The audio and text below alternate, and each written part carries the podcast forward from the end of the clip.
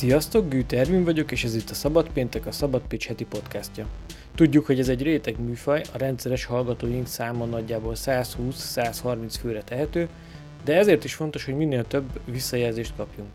Köszönjük, ha már kitöltötted a kérdőívünket, a többiek véleményét pedig továbbra is várjuk. A link most is megtalálható az epizód leírásában. Ebben a részben Vendler Balázsjal, a Games for Business vezetőjével beszélgetek. A vállalati környezetben alkalmazható, játékosított e-learning megoldásuk külföldi befektetők fantáziáját is felkeltette. 2019 végétől egy osztrák cégcsoport részeként működnek. A játékosított tanulásról, nemzetközi üzleti sikerekről és a kínai társadalmi kreditrendszerről is beszélgetünk azokat a dolgokat, amiket a marketing vagy akár a pedagógia korábban használt, azokat összehúzta egy módszertannál, és egyértelműen összekötötte a, a, a játékiparral. Az adás végén pedig arról beszélek, hogy a bukott Fideszes és Fidesz közeli politikusoknak miért éppen egy erőltetett, trollkodással fűszerezett fake news oldal lehet a kedvenc tartalomforrása a Facebookon. Vagy mi lehet a közös mondjuk egy Nógrád megyei iskolában tanító tanárnőben, a kínai kommunista pártban és a világvezető cégeiben?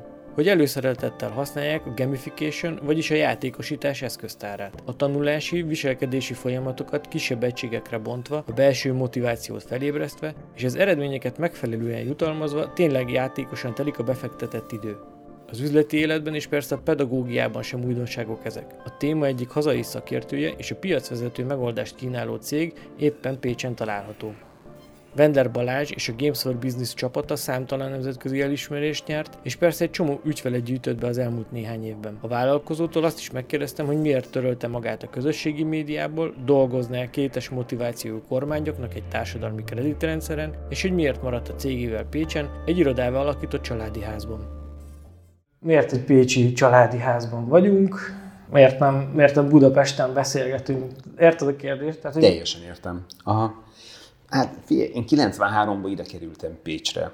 Uh, alapvetően ugye, itt élek most már ez hány év is? Ez nagyon sok, ez már 27 év. Uh-huh. Tehát gyökeret eresztettem. Itt vannak a barátaim, itt van a családom, és akkor, amikor tehát nyilván elkezdtem egy vállalkozást építeni az egyetem alatt már ilyen 98-99 tájékán, és alapvetően azt tapasztaltam meg, hogy én azért akarok, azért akarok céget vezetni, mert hogy egy olyan típusú életre vágyom, ahol így megtalálom a helyemet. És hogy azzal, amit csináltam, én itt megtaláltam a helyemet. És hogy az elmúlt, nem tudom én, négy évünk is megmutatja azt, hogy Pécsről is lehet nemzetközi sikereket elérni. Tehát ez nem lehetetlen, annyi, hogy valószínűleg kicsivel több munkába telik ez, mint hogyha mondjuk Pesten lennék. Tehát Pest nekem az egy hely, ahol üzletet lehet kötni. Pécs meg az a hely, ahova hazajövök. Jó, de és mi kell hozzá? Tehát, hogy, hogy, gondolom, Pé- hogy Pécsről... Hát, hogy Pécsről egyrészt országos, másrészt pedig növekszed most már egy ideje nemzetközi porondra is léphess. Hát, hogy kell, hogy legyen benned spiritus, azt tuti. Uh-huh. Tehát, hogy merni kell egy nagyot álmodni azt gondolom, hogy ez az alapja. Tehát el kell tudni képzelni. Jó, magad. nem véletlenül jött. Tehát akkor így kérdezem, tehát hogy azért az ilyen kitűzött cél volt, nem? Hogy, a Games for Business az azt határozottan. Tehát, hogy a, a magát a Games for Business-t ugye én 2013-ban találtam ki, 12 legvégén, 13-ban indult el a dolog, kifejezetten azzal a célral hoztam létre ezt a brandet, hogy valami olyas valamit csináljak, ami majd nemzetközileg értéket teremt. És ezt úgy is értem, hogy szakmai értéket, tehát hogy elismerést uh, um, tudjunk uh, szerezni, és hát nyilván ez egy vállalkozás, tehát hogy, hogy ezt, ezt tudjuk pénzé konvertálni, tehát ez a kettős célunk volt, és azt mondtam magamnak, hogy ezt a tehát én azért 90... És mi volt ez a motiváció? Tehát kicsi, kicsi volt Pécs, vagy a magyar viszonyok? Vagy... Én kiégtem abból, amit csináltam. Nekem egy online marketing ügynökségem volt, hogyha ezt egyáltalán lehet így hívni, hát igazából mindent csináltunk. Alapvetően grafikai munkákat, webes melókat, minden, ami belefér a marketingbe vagy a kommunikációba, azt mi, amire megrendelést kaptunk, csináltuk.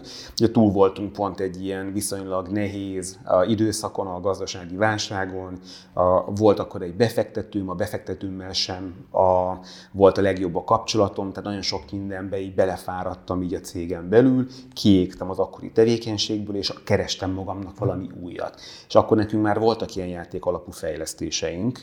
Ezek a fejlesztések, ezek mindig sikeresek voltak, egy csomó díjat nyertünk velük egyébként. Pénzt nem tudtunk velük keresni, de hogy azt láttam, hogy ezt szívesen csinálom én is, meg a csapatomnak egy csomó tagja úgy volt vele, hogy így megtalálta önmagát benne.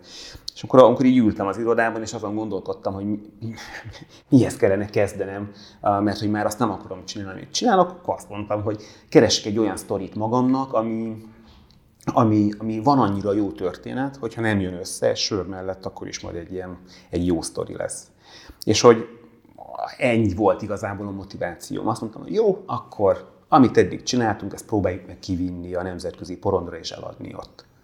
Emlékszel, mi, mi volt az, amikor az első, amikor találkoztál ezzel az egész gamifikáció, játékosítás? Játékosítás. Uh-huh. Hogy, hát a fogalommal valamikor 2011-ben találkoztunk, Budapesten volt egy konferencia, egy budapesti nagy reklámügynökség szervezett a, szervezte ezt a konferenciát, hogy játékosítás, és mivel akkor nekünk már voltak ugye játék alapú projektjeink, ezért kíváncsiak voltunk, hogy ez miről is szól, felmentünk, meghallgattuk, és akkor rájöttünk arra, hogy jé, amit mit csinálunk, az a játékosítás. Aztán egy év múlva rájöttünk, hogy nem, mi nem játékosítást csinálunk, ma meg úgy vagyok már vele, hogy teljesen mindegy, hogy hogyan hívjuk, ha lehet vele üzletet csinálni, meg, meg tényleg valami normális dolgot tudunk, akkor nekem mindegy, hogy gamifikációnak hívjuk, vagy Jó, bármi és más. hogyha, tehát most már sok díjat is nyertetek ezzel, a játékosítással, hogyha valaki olyannak kell elmesélned, akinek fogalma sincs erről az egész, akkor azt hogy szoktad elmondani, hogy mire kaptatok most egy díjat? A, tehát általában, amikor elmegyek egy ilyen sales tárgyalásra, tehát mondjuk egy multival le kell ülni, beszélgetni arról, hogy mit csinálunk, akkor mindig egy családi példát szoktam elmondani. Szerintem nagyon jól uh, mutatja, hogy mi hogyan gondolkodunk a játékosításról. Két fiam van, most 18 és 15 évesek, de jó néhány évvel ezelőtt történt az a sztori otthon, hogy egy vasárnapi ebédre spenót volt a kaja. És akkor ott ült a két gyerek az asztalnál, egyik sem nagyon, egyik sem akarta megenni a spenótot, ott turkálták a kaját, a feleségem kezdett egy kicsit feszkós lenni, ki kellett találni valamit, hogy megoldjam a helyzetet, ezért egy kihívást ajánlottam a fiaimnak. És azt mondtam nekik, hogy az, aki meg tudja tippelni, hány kanál főzelék van a tányérjában, az kapni fog egy fagylaltot. Szóval ebben a pillanatban minden megváltozott, mind a két kölyöknek felcsillant a szeme, mondtak egy-egy számot, és elkezdték lapátolni a főzeléket, érezték, hogy nem volt jó a tipp, akkor kisebb vagy nagyobb kanára lették a spenótot, de így vagy úgy egy-két perc alatt elfogyott a főzelék a tányérból, és megkapták azt a fagylaltot, ami eleve ben volt a hűtőben desszertnek. És hogy nagyon egyszerű megtalálni a párhuzamot ezzel a példával, ahogy ugye mi elsősorban nagyvállalati a, a környezetben játékosítunk tanulási folyamatokat, és mi semmi más nem teszünk, mint hogy a helyzethez való hozzáállását változtatjuk meg a munkatársaknak. Ugye ebben a helyzetben a feleségem volt az ügyvezető, akinek volt egy elvárása, meg kell lenni a spenótot. Én voltam a HRS, akinek ezt le kellett tolni a munkatársaknak a torkán, akik a gyerekeim voltak. És hát egy csomó konferencia szól arról, hogy milyen lesz a jövő szervezete, hogy majd transzparens fizetési rendszer lesz, meg hogy több transzparens szabályok lesznek. Vel. Azt gondolom, hogy ezek olyan, olyan meg teljesen lapos szervezetek, ezek olyan elképzelések, amik, amik azért nehezen vihetők át egy konzervatív, mondjuk egy bankon.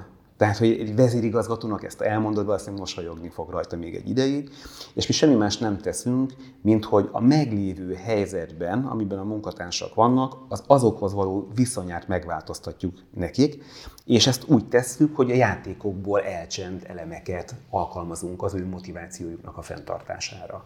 Ez gyakorlati példát erre. Még gyakorlatibbat, mert az analógiát azt értem, de hogy egy ilyen tényleg mit, mit változtattok meg?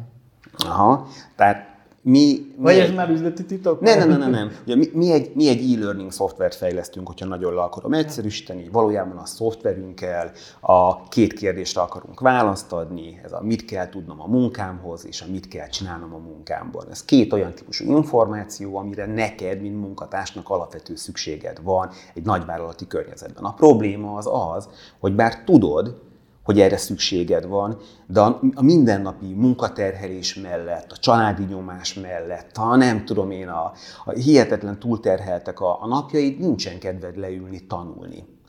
És mi egy olyan tanulási rendszert alakítunk ki, amiben ezt a kedvet szeretnénk neked meghozni. Mi ezt a, ezeket az információkat megpróbáljuk egy olyan folyamatba beletenni, ami beleilleszthető a, a mindennapi életedbe, rövidke, kis 10-15-20 perces tanulási blokkokat alakítunk ki, nagyon egyszerű kvíz alapon adjuk át az információkat, kiemeljük a lényeget. Tehát van egy olyan alapmódszertanunk, ami azt gondolom, hogy önmagában is növeli a tanulás hatékonyságát, de erre a megváltozott folyamatú és megváltozott formájú tanulásra mi ráteszünk egy külső és belső motivációs mechanizmust. Tehát bármi, amit a rendszerben csinálsz, azért mi jutalmakat adunk neked. Ezek a jutalmak lehetnek virtuális pontok, valamilyen virtuális fizetőeszköz, szöveges visszajelzésekkel simogatjuk a lelkedet, bedzseket adunk, küldetéseket adunk neked, hogy tud mikor mit kell csinálni. És egyébként ezeket a virtuális pontokat, amiket gyűjtesz a tanulásodért, ezeket átválthatod egy shopban valamilyen fizikai nyereményre.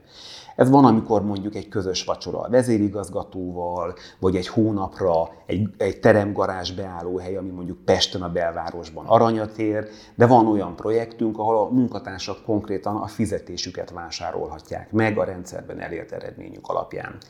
Tehát egy nagyon direkt kapcsolatot teremtünk a tanulási eredményeid és a fizikai térben való jutalmazásod között. Mm, ez, tehát olvastam elég sok helyen arról, hogy a jutalmazás direktbe nem válthatunk mindig pénzre. Tehát, hogy, hogy a, van, vannak olyan munkakörök, amikor a pénzes jutalmazás az nem kifizetődő, tehát hogy nem működik jól. Ezt, ha jól látom, akkor viszont ezt így kombináljátok, tehát hogy a kettőnek a, Egyet értesz ezzel, mik a tapasztalatok, és hogy jól látom, hogy ezt a kettőt akkor ti ezek szerint most így kombináljátok. Ez elvárás volt a cégek részéről, vagy, vagy, vagy ez hogy, hogy alakult ki ez a rendszer? A, szedjük ketté a kérdést. Aha, Ugye az, hogy most működik vagy nem működik. Alapvetően a motivációs módszertanban otthon lévők, akik ennek a pszichológiájával foglalkoznak, azt mondják, hogy a külső motiváció az egy idő után meg fogja ölni a belső motivációt. Tehát egy idő után már nem tudom, én, lehet, hogy szeretsz rajzolni, de ha én mindig adok neked valamennyi pénzt azért, mert egy újabb és újabb rajzot csinálsz, akkor egyszerűen kiölöm belőled a belső motivációt. Viszont mi abból indulunk ki, hogy bent vagy egy vállalati környezetben, ahol nagyon nehéz megtalálni arra a kérdésre a választ, hogy én most miért tanuljak. Mert egyébként ezernyi más dolgod van. Hiába érted meg, hogy erre szükséged van. Valójában a külső motiváció az egy ilyen beindítója ennek a folyamatnak. Egy nagyon gyors és könnyen értelmezhető válasz. Miért tanuljál? Mert kaphatsz érte egy nyalókát, most viccesen mondva, de hogy van, amit kapsz érte. A, és hogy ez a, ez a külső motiváció, ez be tudja indítani a folyamatot, biztosan nem fogja hosszú távon fenntartani. Ahhoz belülről motiváltnak kell lenned. Ha te belülről motivált vagy, akkor nincsen szükség jutalmazásra, mert te azt meg akarod csinálni. Na ezt az állapotot elérni, majd fenntartani, ez a célja a projektnek, ami egy nagyon-nagyon nehéz feladat. Azt gondolom, hogy, hogy a vállalati környezetben belülről motivált munkatársakat, egy ilyen közösséget felépíteni, ez minden munkáltató vágya. A mi eszközünk az egy lehetséges eszköz, egy segítség ebben a folyamatban. Uh-huh. A vállalati környezeten kívül nem gondolkodtak a máshova exportálni ezt a, ezt a módszert. Most gondolok itt akár az oktatásra. Gondolom a módszert annak, meg az hmm. egésznek a kiépítésébe. Gondolom... Most, igen. Most fejeztünk be egy, egy projektet Igen. a Református Egyházzal. Uh-huh. A Református Egyháznak van egy oktatási hálózata, egy csomó iskola tartozik hozzájuk, és hogy ma már, tehát az egyháznak az volt a problémája, hogy ma már nagyon sok diák nem azért megy el ebbe az oktatási hálózatba tanulni, mert hogy mondjuk a vallásos családi háttérrel rendelkeznek, hanem azért, mert a környéken az a legjobb iskola. Viszont hát egy ilyen ö, oktatási intézményben nagyon sok minden van, ami magához az egyházi tevékenységhez kötődik, és hogy azért ez problémákat generál. És az volt a játékunknak, vagy a játékos oktatási rendszerünknek a feladata, hogy a gyerekekkel megismertessük a reformációhoz kötődő ilyen fő kulturális, művészeti, tudom, társadalmi ismereteket, hogy ezen keresztül nyitottabbak legyenek az, az intézményben történő események iránt. És eredetileg mi azért ezt a kisgyerekekkel használtuk ezt a rendszert, tehát mi 2006 és 2016 között nagyon sok projektet fejlesztettünk általános iskolásoknak, középiskolásoknak, meg egyetemistáknak is, és igazából elvétve volt egy-egy projektünk, ami így a felnőtt lakosságnak szólt. Viszont mivel a, kora, a korai projektjeink elsősorban marketing célúak voltak, ezek a projektek mindig egyediek voltak, tehát nagyon sok időt kellett beletenni, hogy elkészüljön egy-egy meló. És így nem nagyon lehetett pénzt keresni vele. Akkor, amikor 2015-ben megváltoztattuk a koncepciónkat, és az alapvetően kifele történő kommunikációból elmentünk a befele, tehát a cégeken belül történő kommunikáció irányába, az, a belső oktatás irányába, akkor ezzel tudtuk standardizálni a terméket. Tehát ezzel meg tudtunk csinálni egy olyan verzióját a szoftverünknek, amit utána sokszor ugyanúgy el lehet adni. Ugye ez volt, a, ez volt az első nagy ilyen, nem is tudom, innovációja a, annak, amit csináltunk. A másik, hogy hogyan választott ki a célpiacodat. A, alapvetően mi abban gondolkodtunk, hogy ez egy nagyon kis csapat, tehát 10-15, 10 fővel indultunk 2016-ban, nem volt befektetőnk. Tehát amit a piacon megkerestünk pénzt, azt a pénzt forgattuk egyből vissza a cégbe. És azon kellett elgondolkodnunk, hogy hogyan fogunk tudni külföldre kijutni. Tehát egy, egy nemzetközi kiállításra kimenni, az egy középkategóriás autónak az ára. Tehát konkrétan volt olyan, amikor Párizsban álltam, senki nem jött oda a standunkon, és azon gondolkodtam, hogy a kiállítás árából vehettem volna a feleségemnek egy autót, és akkor mindenki, mindenki vidámabb lett volna. Uh, és, uh, és nekünk az volt a stratégiánk, hogy kifejezetten nemzetközi brendeknek, nagy multinacionális vállalatoknak kezdjünk el dolgozni itthon olyan ügyfeleket kerestünk Magyarországon, akiknek a neve nemzetközileg is mond valamit. Ez miért fontos? Mert akkor, amikor a weboldalunkra ezeket a logókat kiraktuk, akkor ez Maláziától az USA-ig mindenkinek jelentett valamit. És hogy ez a fajta rettenetesen célzott üzletfejlesztési tevékenység hozta meg azt, hogy azért mi négy év alatt három kontinensre jutottunk el, és három kontinensről van ügyfelünk. És nem tudom, rettenetesen gyorsan uh, értünk el nemzetközi sikereket. Ez sokkal nehezebb lett volna, hogyha magyar nagy cégeknek dolgozunk, akiknek a neve nem nagyon mond semmit mondjuk egy londoni vagy egy párizsi kiállításon. Hmm, neked mit kellett megtanulni ehhez? Angolul kell. kellett tanulnom angolul beszélni. De most tényleg? Alá komoly. Uh-huh. Tehát én úgy kezdtem, hogy, úgy kezdtem, hogy én orosz-latint tanultam, és ezt is uh-huh. már nagyon-nagyon-nagyon régen. Uh-huh. És igazából a nyelvtanulásommal annyit foglalkoztam, amennyi a diplomámhoz kellett. Oké, okay, de ilyen tanulási módszertanok, meg ilyen motiváció, Ó, meg hát, ilyenek, meg gondolom azért így beleástam magad, ja, hát, hogy ne verjenek át a motivációs tanácsadók, vagy Aha. nem tudom. Tehát akkor, akkor, amikor mi kimondtuk azt magunknak, hogy játékosítással uh-huh. szeretnénk foglalkozni. Ugye 2013-ban indult el ennek a Games for Business brandnek a kommunikációja. Akkor nagyon sok energiát és időt fektettünk abba, hogy megismerjük a piacot. Tehát mi indítottuk el az első játékosítási blogot, ezt írtuk nagyjából két-két és fél évig, utána megszüntettük, mert már így nem volt rá szükség. Nagyon-nagyon nemzetközi eseményekre jártunk, nemzetközi versenyeken indultunk, próbáltunk benchmarkolni, kerestük azokat a projekteket, amiből tanulhatunk, felvettük a kapcsolatot az összes nagy nemzetközi szakértővel. A mai napig többen nagyon-nagyon jó személyes kapcsolatot ápolunk. Tehát mi a piacból rettenetesen sokat tanultunk. Na, akkor nem csak angolul tanultál meg. ez, ez így van. Jó. Uh, mit akartam kérdezni? Uh, ja, uh, ennek a, tehát hogy amikor itt szembesültél a, ezekkel a tanulási folyamatokkal, volt valami számodra megdöbbentő, mint megdöbbentő, hogy nem tudom, így egész életedben rosszul gondoltál valamit a tanulásról például? Pedagógus vagyok, eredeti végzettségem szerint, tehát én biológia tanár vagyok. A... Nem, én alapvetően azt gondolom, hogy ma, és tényleg, hogyha valaki valaki játékosítást szeretne alkalmazni a, a pedagógiai munkájában, akkor van akár a Facebookon, vannak olyan, olyan tanári csoportok, ahol hihetetlen sok tapasztalatot osztanak meg egymással. És hogy, hogy egy jó pedagógus korábban is használt olyan eszközöket, amiket ma a játékosítás használ. Pár évvel ezelőtt volt a HVG-ben egy cikk, ami egy észak-kelet-magyarországi tanárnőről szólt, aki azon gondolkodott, hogy nem, egyszer nem volt már képes a gyerekek között rendet tartani, nem tudta őket motiválni, és akkor bevezette azt, hogy írt egy listát arról, hogy mik, a, mik az elvárt viselkedés formák egy tanórán hogyan, nem tudom, hogyan tanuljál, hogyan segíts a másiknak, legyél csendbe, stb. És összeszedte azokat a tevékenységeket, amik viszont nem elfogadott tevékenységek.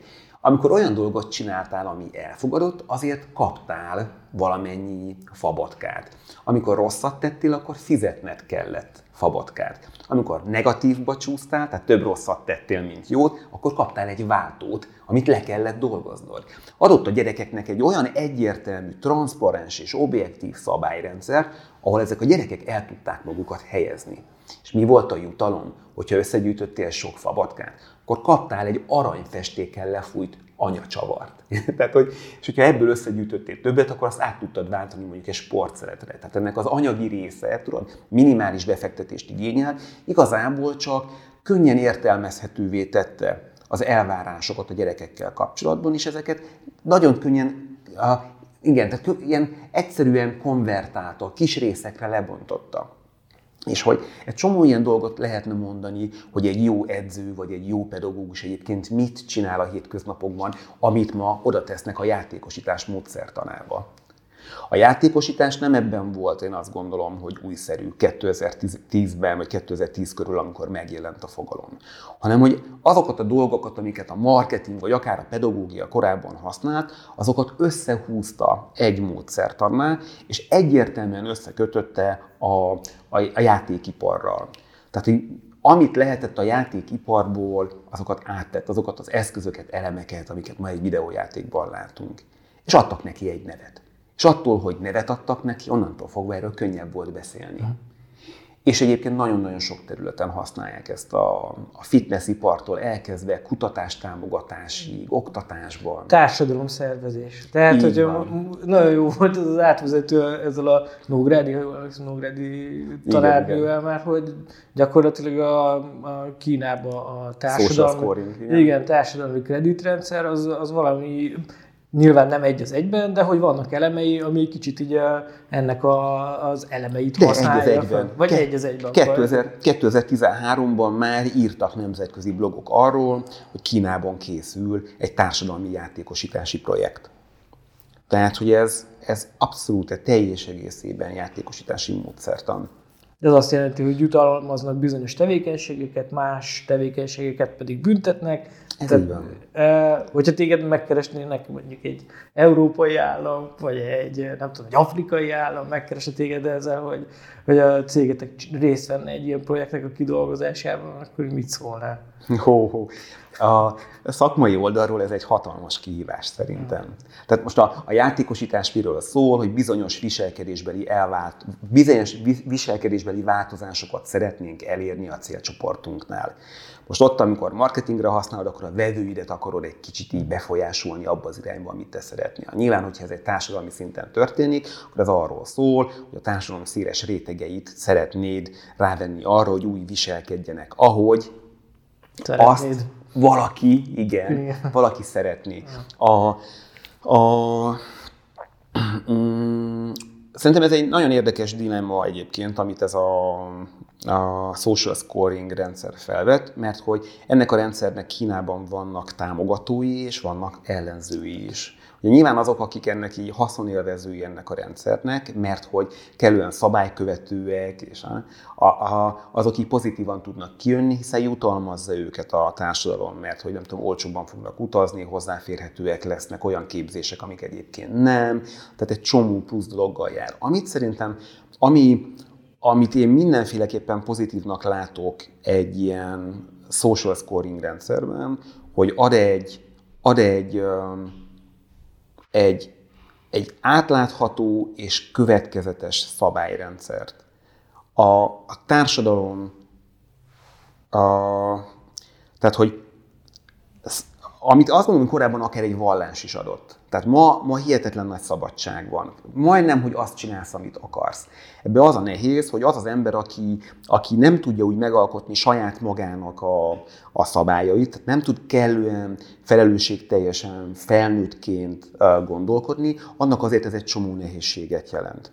Akkor amikor, a, akkor, amikor a társadalom biztosít számodra egy keretrendszert, amiben világosak a szabályok, megmondják mi a jó, megmondják mi a rossz, sokkal könnyebben el tudod magad helyezni. És mennyire jó az, amikor, amikor tényleg kapsz egy szabályrendszert, hogy ha ezt és ezt megcsinálod, akkor ilyen és ilyen jutalmad lesz, és tényleg megkapod.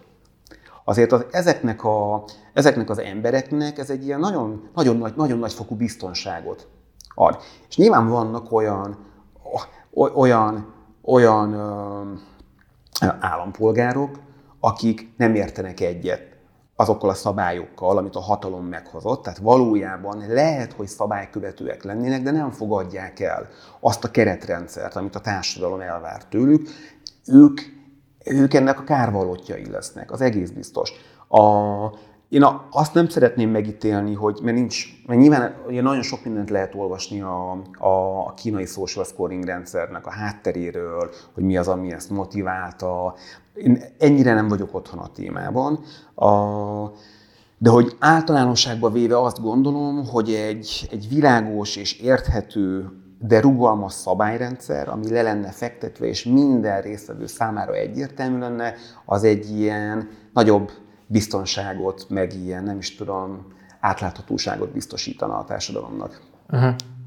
Amit nyilván a törvényeink, meg egy csomó minden megpróbál biztosítani a számunkra. Szóval ami... elméletileg részt venni egy ilyenben gyakorlatilag nem biztos. Hát tök, ilyet, igen, tök fontos a célja, meg megérteni ja. ennek a hátterét. Ja, ja, kicsit hosszú volt a válaszom, de hogy egyébként ez egy összetett nem, kérdés. Nem, igen, így van, így van. Uh, említetted, hogy két fiad van és azt is mondtad, hogy volt, hogy alkalmaztad rajtuk gyakorlatilag ezeket a módszereket. Más szinten, későbbiekben próbálkoztál ezzel? hogy kellett őket így A családban? A családban. Volt, hogy bevontam őket projektbe. Tehát olyan szempontból, hogy, hogy őket kértem meg, hogy segítsenek kitalálni a valamilyen ötletet. Vagy éppenséggel, amikor összeraktunk egy, egy rendszert, akkor őket kértem meg, hogy teszteljék. Pont azért, mert hogy nyilván pont abban a a generációban vannak, akik éjjel-nappal a kütyükön lógnak, és rettenetesen sokat játszanak, és, és hogyha nem is tudatosan, struktúráltan, de nagyon nagy tudás van bennük azzal kapcsolatban, hogy milyen egy jó játék. Tehát ők mindig ilyen nagyon, nagyon hálás, meg nagyon hasznos tesztelői a rendszereknek. És nagyon jó ötleteik vannak. Rád kerestem Facebookon, nem találtalak. Képzeld, töröltem magam a Facebookról is, meg töröltem magam az Instáról is. És a social médiából így... És mi az oka? A, hát egyrészt valahogy így, oké, okay, tehát e, van egy olyan része, hogy akkor amikor, akkor, amikor elkezdtem a céget, akkor azt mondtam, én nagyon-nagyon konkrét tervekkel indultam neki ennek a vállalkozásnak. Nekem volt egy öt éves üzleti tervem erre a cégre, nagyjából minden évre megmondtam, mit akarok csinálni. A, a, igazából a, az én üzleti célom a Games for Business-szel az volt, hogy megteremtsem a saját magam függetlenségét. Mert hogy a marketing cégvezetőként egy olyan cégben, ami mindig projektekből él, nagyon nehéz megteremteni az egzisztenciális függetlenségedet. A, mert hogy akkor van pénzed, ha van projekted. És nehéz azért annyi pénzt keresni belőle, hogy ne legyen függőséged. És úgy voltam vele, hogy ha képes leszek egy skálázható, egy skálázódó üzletet felépíteni, az megteremtheti úgy az anyagi függetlenségemet, hogy valójában ne, a, ne az aktuális munka mennyiségtől függjön az, hogy most hogyan élek. Uh, és ennek igazából két, két lehet, lehetséges útját láttam. Az egyik lehetséges út az az volt, hogy kinevelek egy menedzsmentet, úgy, ahogy a marketinges cégemnél megtettem, és kvázi tulajdonosként fogok működni, támogatni az ügyvezetőket, és akkor hogy termeli a pénzt, ez az egyik út, a másik út pedig az, hogy kiviszem termékként a vállalkozásomat a piacra, és egy befektetőnek eladom. A, és az volt, a, az volt mellette még a személyes célom, hogy amint megtörténik bármelyik, akkor leszedem magam a social médiáról. Mert hogy azért én alapvetően a social médiát egy személyes márkaépítésre használtam, arra, hogy megmutassam a környezetemnek, hogy mivel foglalkozom. Szerintem ez nagyon jól működött az elmúlt években, mindenki tudta, hogy én vagyok az a srác, aki a játékokkal foglalkozom, és ebből a szempontból már nincsen célom, sem a Facebookkal, sem egy Instagrammal. Ez az egyik része, meg van egy olyan része, hogy azt gondolom, hogy ezek a közösségi média felületek a felszínessé teszik az emberi kapcsolatokat, mert ha én kíváncsi vagyok rád, elég meggooglizni, vagy elég megnézni a Facebookon, mi van veled, míg ha ez nem lenne, akkor fel kéne, hogy hívjalak. És akkor ilyenkor eldől az, hogy mennyire vagy fontos nekem. Mert ha beteszem az energiát abba, hogy felhívjalak, akkor fontos vagy. Ha azt gondolom, hogy á, nem hívlak fel, akkor nem vagy fontos. És akkor meg úgyis mindegy, nem? A, és, a, és nyilván ez a kettő együttesen az, ami elvitt oda, hogy töröltem magam a, a Facebookról. De a LinkedIn-en még fent vagyok. Ezt akartam kérdezni, hogy azért a szakmai kapcsolatépítésekor azért az folyik a, a LinkedIn-en ezek szerint. Igen, igen, de azért ez egy sokkal, sokkal lazább és sokkal vékonyabb jelenlét, azt gondolom, mint amit egy Facebook jelentett. Uh-huh. De akkor zavart is személyesen? Tehát, hogy így ö, sok időt töltöttél Facebookkal, meg Instával, és ez is benne volt, vagy? Ah, igen, igen, igen. Ah. Ra, igen, abszolút elopta az időmet teljesen. Hát mert jól vannak játékosítva ezek a platformok, nem? A, a Facebook is játékosítva van, a LinkedIn is egy játékosított social media alkalmazás, Aha, tehát okosan ki van találva ez. Jó, és ilyennek az építkezésére akkor még nem szánnád el magad. Mondjuk egy közösségi média platform, platform akár, hogyha egy a játékosítási tapasztalatokat felhasználva. A, nincs ilyen irányú tervem. Tehát egyrészt minden Jó, azzal, hogy... Azzal, azért, hogy a... azért azt akarom kérdezni, hogy akkor milyen irányú terveim van? Ja, ja, ja. A, Hát az, hogy a, felvásárolta tavaly az EduPro a Games for Business, tehát most így részévé váltunk egy nemzetközi oktatási cégcsoportnak, a tulajdonosunk az Ausztria legnagyobb felnőttképzési intézménye, a, egy nagyjából 800 főt foglalkoztató cégcsoportról van szó, és mi vagyunk a technológiai cég egyébként ebben a cégcsoportban.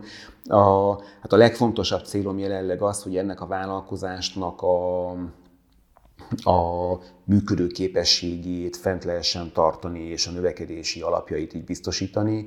A, a, ez alapvetően egy ilyen néhány éves cél, a, ahogy ezt így, a, hogy ezt sikerül megteremteni, a, akkor azért így, akkor, akkor fogom megengedni magamnak azt, hogy elkezdjek gondolkodni, hogy hogyan tovább az életben. Számolod még az elismeréseket? Most már nem. Most már nem. Hmm.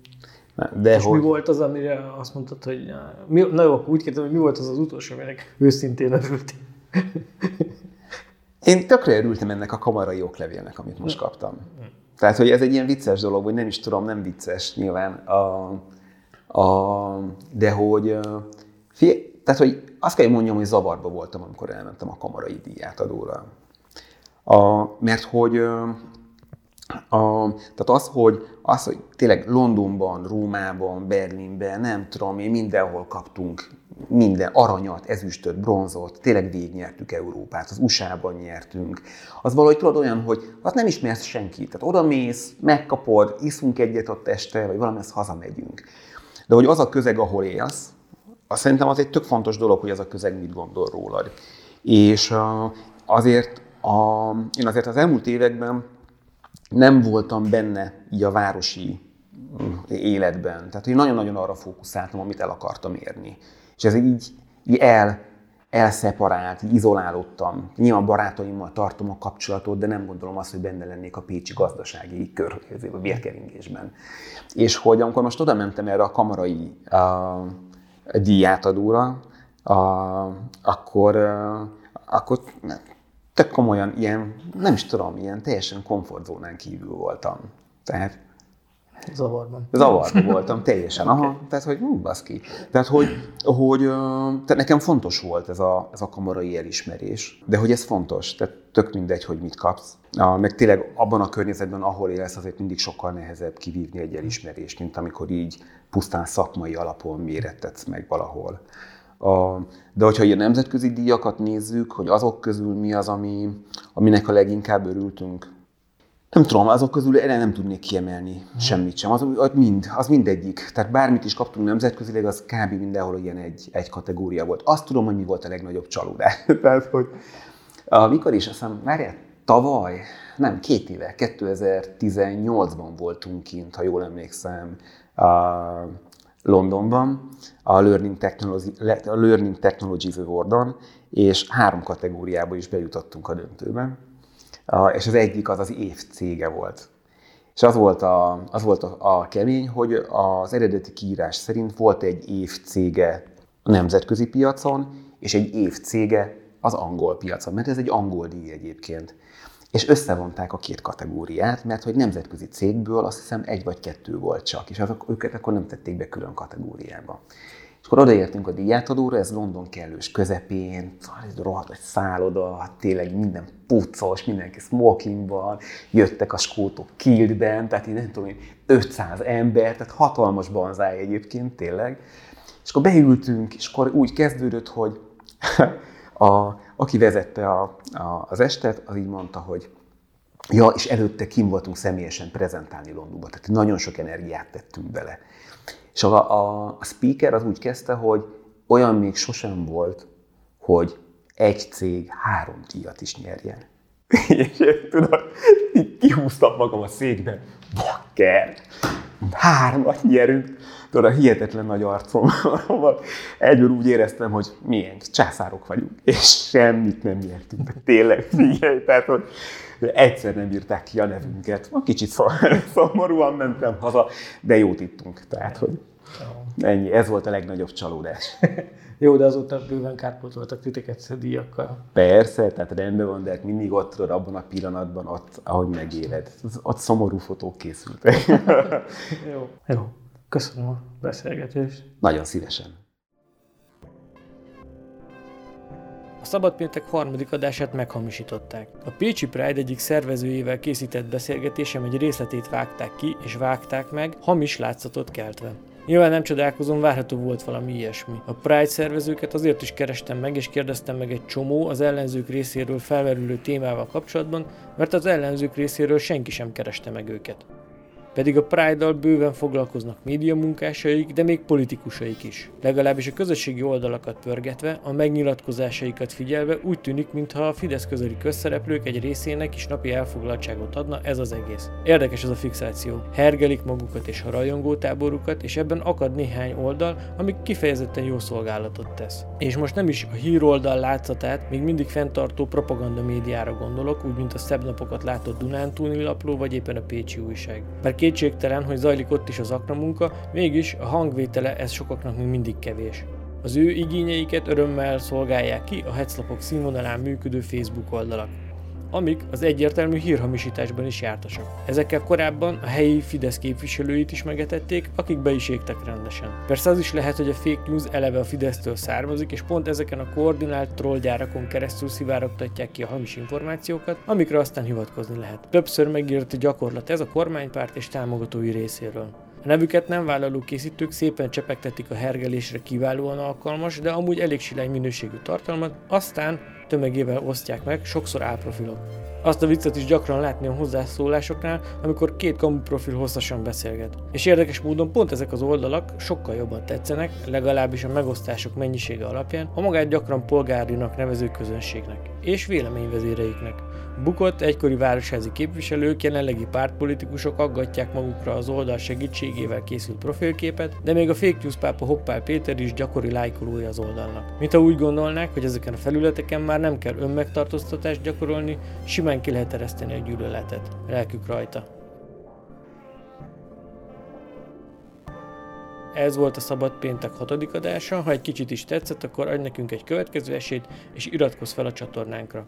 Ha valamilyen észrevételed van a podcasttal kapcsolatban, akkor ír nekünk e-mailt a szabadpécs, kukacszabadpécs.hu címre. Illetve kérlek, tölts ki a podcastról szóló kérdőívünket. Ha pedig támogatni szeretnél bennünket, akkor ezzel kapcsolatban minden információt megtalálsz a szabadpécs.hu per támogatás oldalon. És nézd meg a linkeket az adás leírásában. Köszönjük!